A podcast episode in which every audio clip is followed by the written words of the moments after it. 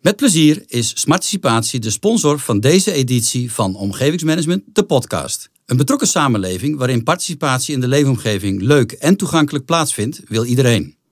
Door gebruik van online, visuele, locatiegebonden enquêtes, responskaarten en dashboards betrek je iedereen.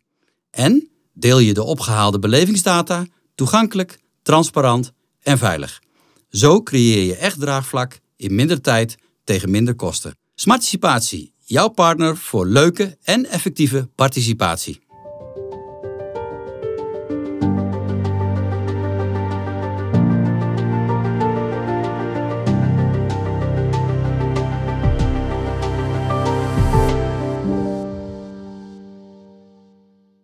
Welkom bij een nieuwe aflevering van Omgevingsmanagement, de podcast. Mijn naam is Carlijn Bergsoep en mijn gast van vandaag is Niels Vrijen. Hi Niels. Hi Carlijn.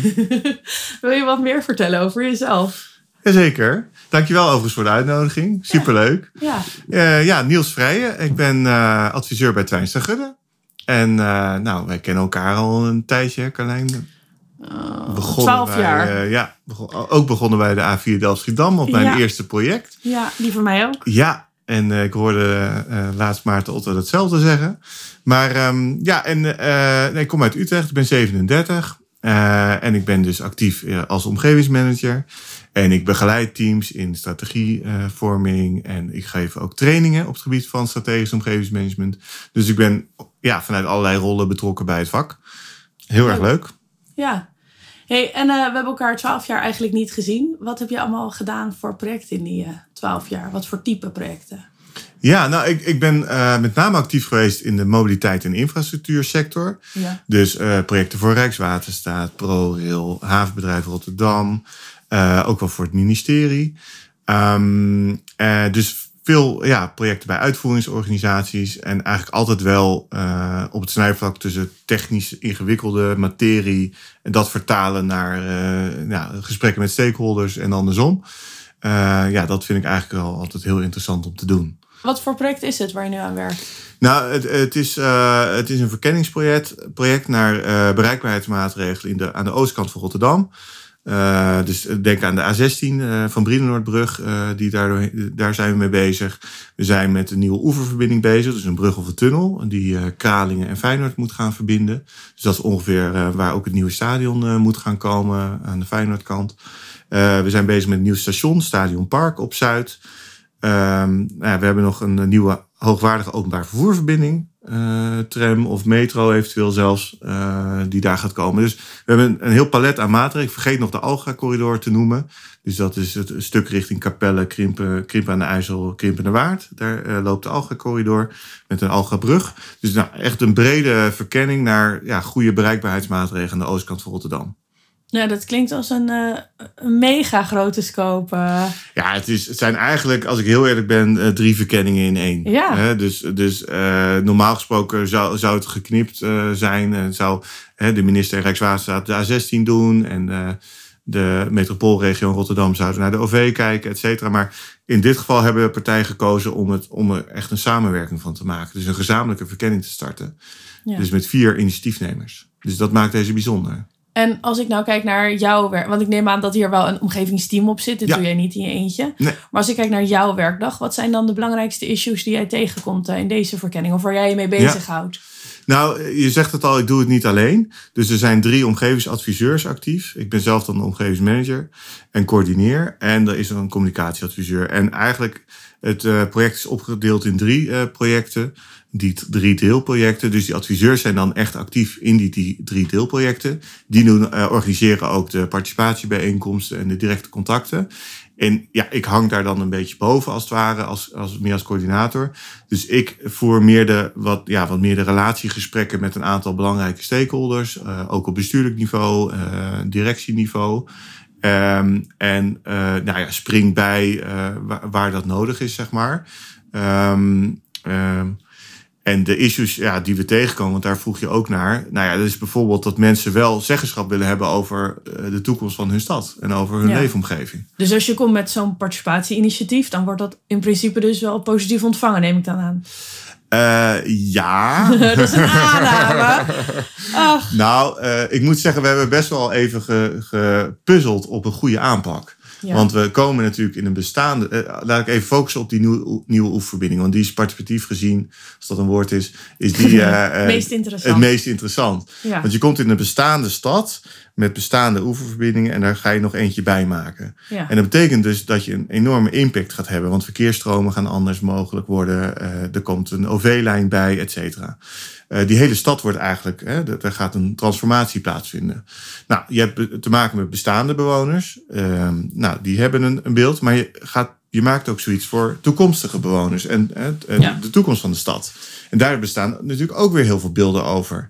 Eh, dus het is al best wel een, een vraag om te stellen van... oké, met, wie, hè, met wie ga ik in gesprek? En hoe ga ik de belangen van de huidige bewoners... en de toekomstige bewoners, die je dus nog niet kent... Die ongrijpbaar eh, zijn. die ongrijpbaar zijn. Hoe ga je dat bijvoorbeeld eh, wegen? Nou, dat is al één, één vraag. Tweede eh, complexe factor is dat je ziet dat op de Noordoever van Rotterdam mensen goed georganiseerd zijn. Die. Er zijn bewonersverenigingen die organiseren zichzelf, die hebben contact met elkaar. Op de Zuidoever, waar we ook participatie heel belangrijk vinden, hoe verder je eigenlijk naar het zuiden gaat, hoe minder georganiseerd mensen oh, zijn lastig. mensen zijn met andere dingen ook bezig. Dus we hebben nu ook gezegd van nou, we gaan ook een aparte, of we hebben er gedaan, een taskforce, om echt die participatie op Zuid nieuw ja, leven in te blazen. Want we vinden het wel belangrijk dat die stem eh, zeg maar gehoord wordt. En, en wat zijn dan manieren waarop je dat doet? Nou, dat zijn we dus nu aan het uitwerken. eh, maar waarschijnlijk is het credo het dichtbij brengen van het project naar die mensen. En Ja. andersom. Dus het dichtbij halen van die mensen naar het project. Dus echt, je moet echt denken aan eh, nou, de buurthuizen, de bakfiets, eh, de plekken bij de supermarkt. Ja, Mooi. want ja, een, een foldertje met er is een avond, zeg maar, ja, Nee. dat werkt dus niet. nee. Nee. Hey, en wat me wel opvalt in je verhaal is dat je, jullie heel erg gefocust zijn op bewoners, maar hebben jullie ook contact met bedrijven?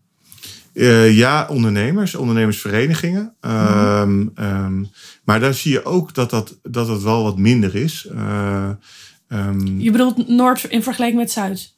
nee, eh, dan ten opzichte van de bewoners. Dus ja, ondernemersverenigingen die, die volgen wel de ontwikkelingen. Mhm. En als ze direct, potentieel direct geraakt worden, zijn ze natuurlijk ook geïnteresseerd.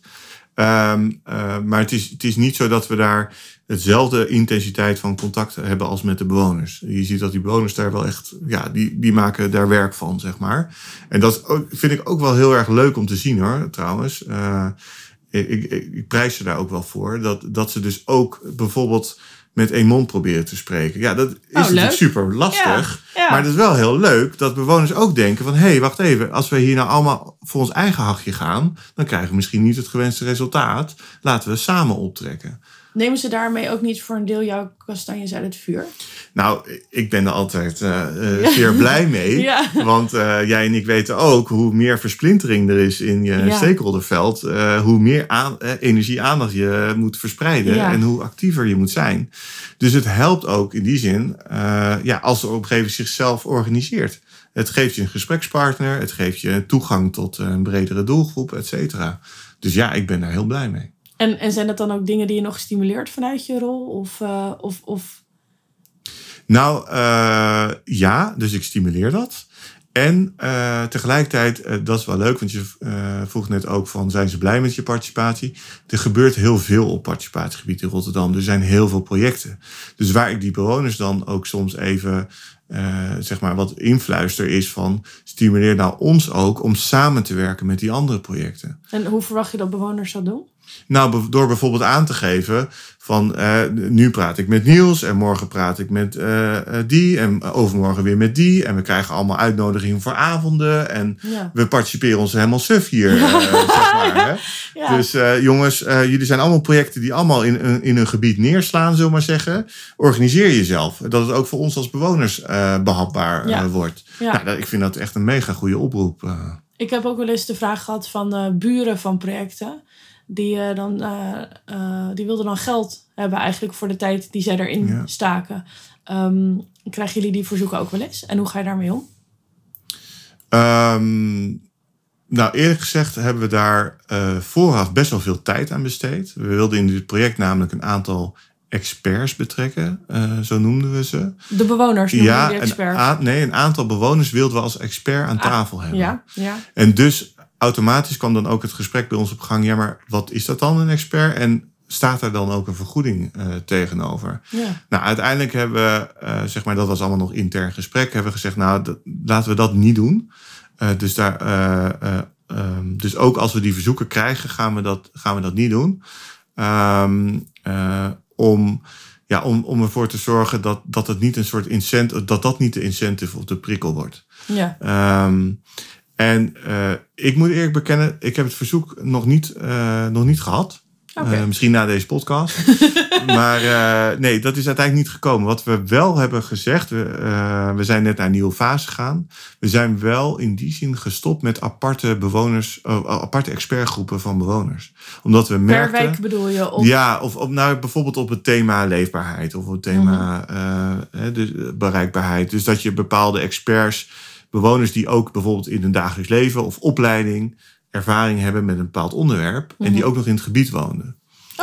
Um, dat is op zich wel interessant ja. natuurlijk. Vooral als je zo'n groot gebied hebt, precies, precies. dan zijn die er wel te vinden. Zeker. Dus we hebben daar ook echt wel. Hè, we hebben bijvoorbeeld een, iemand die jarenlang docent is in de binnenvaart. Uh, die hebben we ook aan tafel als expert. Oh, leuk. Want ja, die weet ook gewoon superveel van uh, binnenvaart. En die woont ook nog eens aan de Maas. En die is belanghebbende bij die nieuwe oefenverbinding. En die dus, kent het gebied, die heeft die bestaande het relaties. Et cetera, precies. Ja. Dus supergoed om, die, om, dat soort personen aan tafel te hebben. Alleen als het ging over uh, leefbaarheid of duurzaamheid of wat dan ook, daar merkte je dat het soms lastiger was om, je, om expertise en belang uh, uit elkaar te halen. Want we vroegen Ja. dan wel aan die experts om echt mee te kijken met het onderzoek. Ja. Dus uh, ja. En dan zijn die twee petten misschien best wel lastig. Ja, dus we zijn, dus de, de, dus nou, nu is de situatie dat de nautische expertgroep nog wel bestaat. Mhm. Maar uh, de andere expertgroepen hebben van gezegd, die voegen we samen met de klankbordgroepen. En dat worden participatiegroepen, hebben we het nu genoemd. Dus daar zitten experts vanuit de omgeving en iedereen ja, die ook wil meepraten, die zit gewoon samen in een groep. En als nou iemand dit luistert die ook in een uh, grote verkenning zit, als jij alleen dan wat meer aan de vooravond, wat zou je diegene dan willen meegeven? Op basis van jouw ervaring? Um, nou, wat, wat, uh, wat wij wel hebben gemerkt, is dat uh, we toch soms een beetje in de valkuil zijn getrapt om heel erg uit te leggen wat wij aan het doen zijn. En zeker ook in corona. Uh, tijd dat we dus digitaal gingen, dan merkten we dat we toch eerst best wel lang een presentatie aan het houden zijn, uitleggen wat wij aan het doen zijn en dan de reactie ophalen van de bewoners. Ja. En, Hoe merkte je dat? Um, nou, dat, dat merkten we om. Uh, um, ja, daar moet ik even over nadenken. Uh, dat heb ik ook wel teruggekregen van uh, mensen die er wat van een afstandje naar keken. Ja. Dus um, die zeiden van, hé, hey, als, ik, hè, als ik jullie nu bezig zie en uh, nou, jullie website en dat soort dingen, dat gaat er allemaal best wel uit vanuit wat jullie willen overdragen.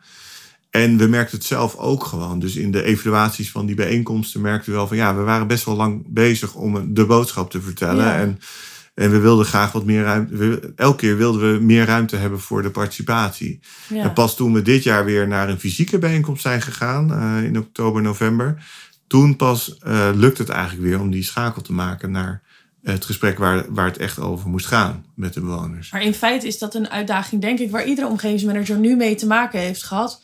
Even los van of je nou in een verkenning zit of uh, in de contractvoorbereiding of in de realisatie. Maar door corona moet je gewoon heel anders werken. Ja. En dat persoonlijke contact, dat is voor ons heel erg belangrijk. Ja. Maar als alles digitaal moet, dan wordt dat ook wel een stuk lastiger. Ja, dat zeker. Dus ik begrijp heel goed dat jullie daar best wel even zoekende in zijn geweest. Van Ja. joh, hoe lossen we dat dan goed op? En hoe halen we dan toch eruit wat we zoeken? Ja, nou zeker. Ehm, uh, en die zoektocht die blijft doorgaan. Want nu zitten we natuurlijk weer in een fase dat we dit helemaal mis opnemen. dat het weer misgaat. Dus, Ja. uh, dus we wilden hier ook echt wel van leren. Um, ja, en, en, en hè, wat, je had het over wat wil je nog meegeven. Kijk, een verkenning is aan de ene kant nog best wel abstract. Mhm. Want bij een verkenning zegt dat al. Je verkent allerlei type oplossingen, allerlei mogelijkheden die je kunt bedenken. En dan ga je in een soort trechter stappen van alle mogelijke oplossingen naar een aantal kansrijke oplossingen naar de voorkeursoplossingen. Dat is dan de trits waar je doorheen gaat. Ja.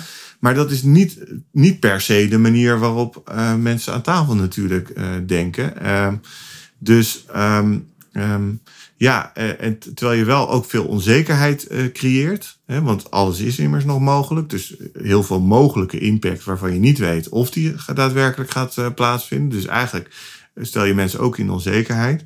Dus, eh, maar tegelijkertijd is de verkenning ook wel weer de fase waarin er nog alles kan. En dat je kan Ja. komen tot een goede oplossing. Dus je moet ook weer niet, hè, dus, dus je moet ook weer niet wachten met het betrekken van, eh, van mensen.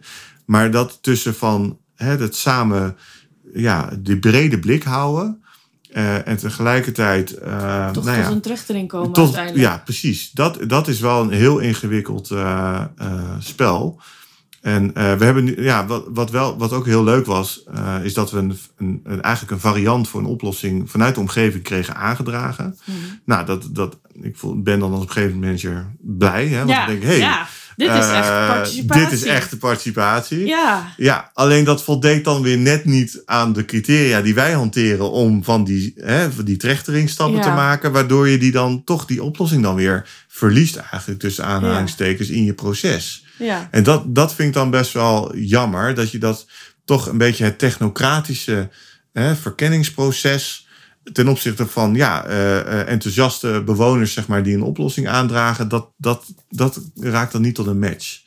Eh, dus nou ja, daar, daar, ik denk dat dat wel goed is om daar vooraf al wat meer over na te denken van, ja, en hoe kun je misschien ook bewoners helpen om dan aan te sluiten? Hè? Of Ja, hoe kun je die brug Want slaan? ik neem aan dat jullie wel van tevoren hebben meegegeven van nou, wat kan wel en wat kan niet. Ja. Om te zorgen Ja. dat je wel een succesvol participatietraject uh, Jazeker, we hebben zelfs een heel speelregelkader met elkaar opgetuigd. Ja. We hebben eh, nou, eh, participatie over de participatie gedaan, zeg ik altijd. dus ja, ja, Oh, wat grappig. ja, dus van eh, niet gelijk het gesprek over we gaan jullie betrekken, maar eerst het gesprek over hoe gaan we jullie betrekken. Ja, Nou, eh, daar hebben we best ook even tijd voor genomen. ja. Eh, en daar zijn best goede dingen uitgekomen. Bijvoorbeeld een omgevingsberaad is daar uitgekomen. Eh, dus een, allerlei belangenpartijen die zich verenigd hebben, et cetera. Dus daar zijn hele goede dingen uitgekomen. Ook veel uit verwachtingen van hè, wat verwacht je van mij, wat verwacht je van jou. Ehm, nou, de spelregels over hoe gaan we met elkaar om. Dus dat is heel goed geweest, die fase. Daarin hè, bouw je ook aan relatie en aan, aan vertrouwen onderling ja, leer je elkaar ook gewoon kennen. leer je elkaar kennen. Precies, hele leuke gesprekken Ja. eh, zijn dat hoor. Omdat, omdat die inhoud nog niet zo dwingend is, Ja. hè, kan je echt een beetje elkaar leren kennen. En tegelijkertijd leer je elkaar pas natuurlijk echt kennen als het erom draait. Dus als die Ja. inhoud eh, op tafel komt. Ehm, ja, dus nou ja, misschien is dat ook wel wat ik zou willen meegeven. Dus eh, eh, begin niet meteen, maar bouw even een fase van leren kennen, participatie, autoparticipatie in. Leg, eh, nou ja, bespreek eh, verwachtingen met elkaar. Eh, stel een aantal spelregels op van, nou, zo willen we met elkaar omgaan. Hè, elkaar Ja. niet verrassen of eh, hoe gaan we daarmee om, daarmee om. Nou, en ga dan pas eigenlijk het echte inhoud in. in. Ja, Nou, ik vind dat eigenlijk wel een hele mooie afsluiter. Maar de echte afsluiter van deze podcast is natuurlijk altijd de inspiratietip voor collega-omgevingsmanagers. Heb jij er eentje die je zou willen meegeven? Ja, nou, ik vind zelf de, eh, de kant van de psychologie altijd super interessant. Eh, nou, die heb je natuurlijk in ieder gesprek. Eh, dus ik luister de podcast Psychologie. Ehm, en dat gaat over hele interessante thema's. Eh, bijvoorbeeld troost bieden. Hoe doe je dat? Weet je wel? Oh, nou, dat is wel iets wat wij moeten kunnen. Precies, hè? dus Ja. we hebben het wel eens over emoties in een gesprek. Of Ja, eh, de ja. rouwcurve komt dan langs. Hè? Oh, maar eh, ja, hoe bied je nou eigenlijk goed troost? Ja, Ja. dat vind ik dus super interessant ehm, om, om daarnaar te luisteren. Dus ja, eigenlijk alles wat gaat over gespreksvoering en over ja, de psychologische kant daarvan. Hoe kom je nou goed in contact met elkaar? Ja, dat, dat is, eh, nou, die podcast die geeft daar ook hele leuke handvatten voor. Oh, leuk. Concrete tips. Ja. hey, nou, ik wil je heel graag bedanken voor je tijd. Ik vond het superleuk om je verhaal te horen. En, eh, graag gedaan. Ik vond het ook super leuk om te vertellen. Nou, mooi, mooi, mooi. Ja, en voor degene die luistert, bedankt voor het luisteren en tot de volgende keer.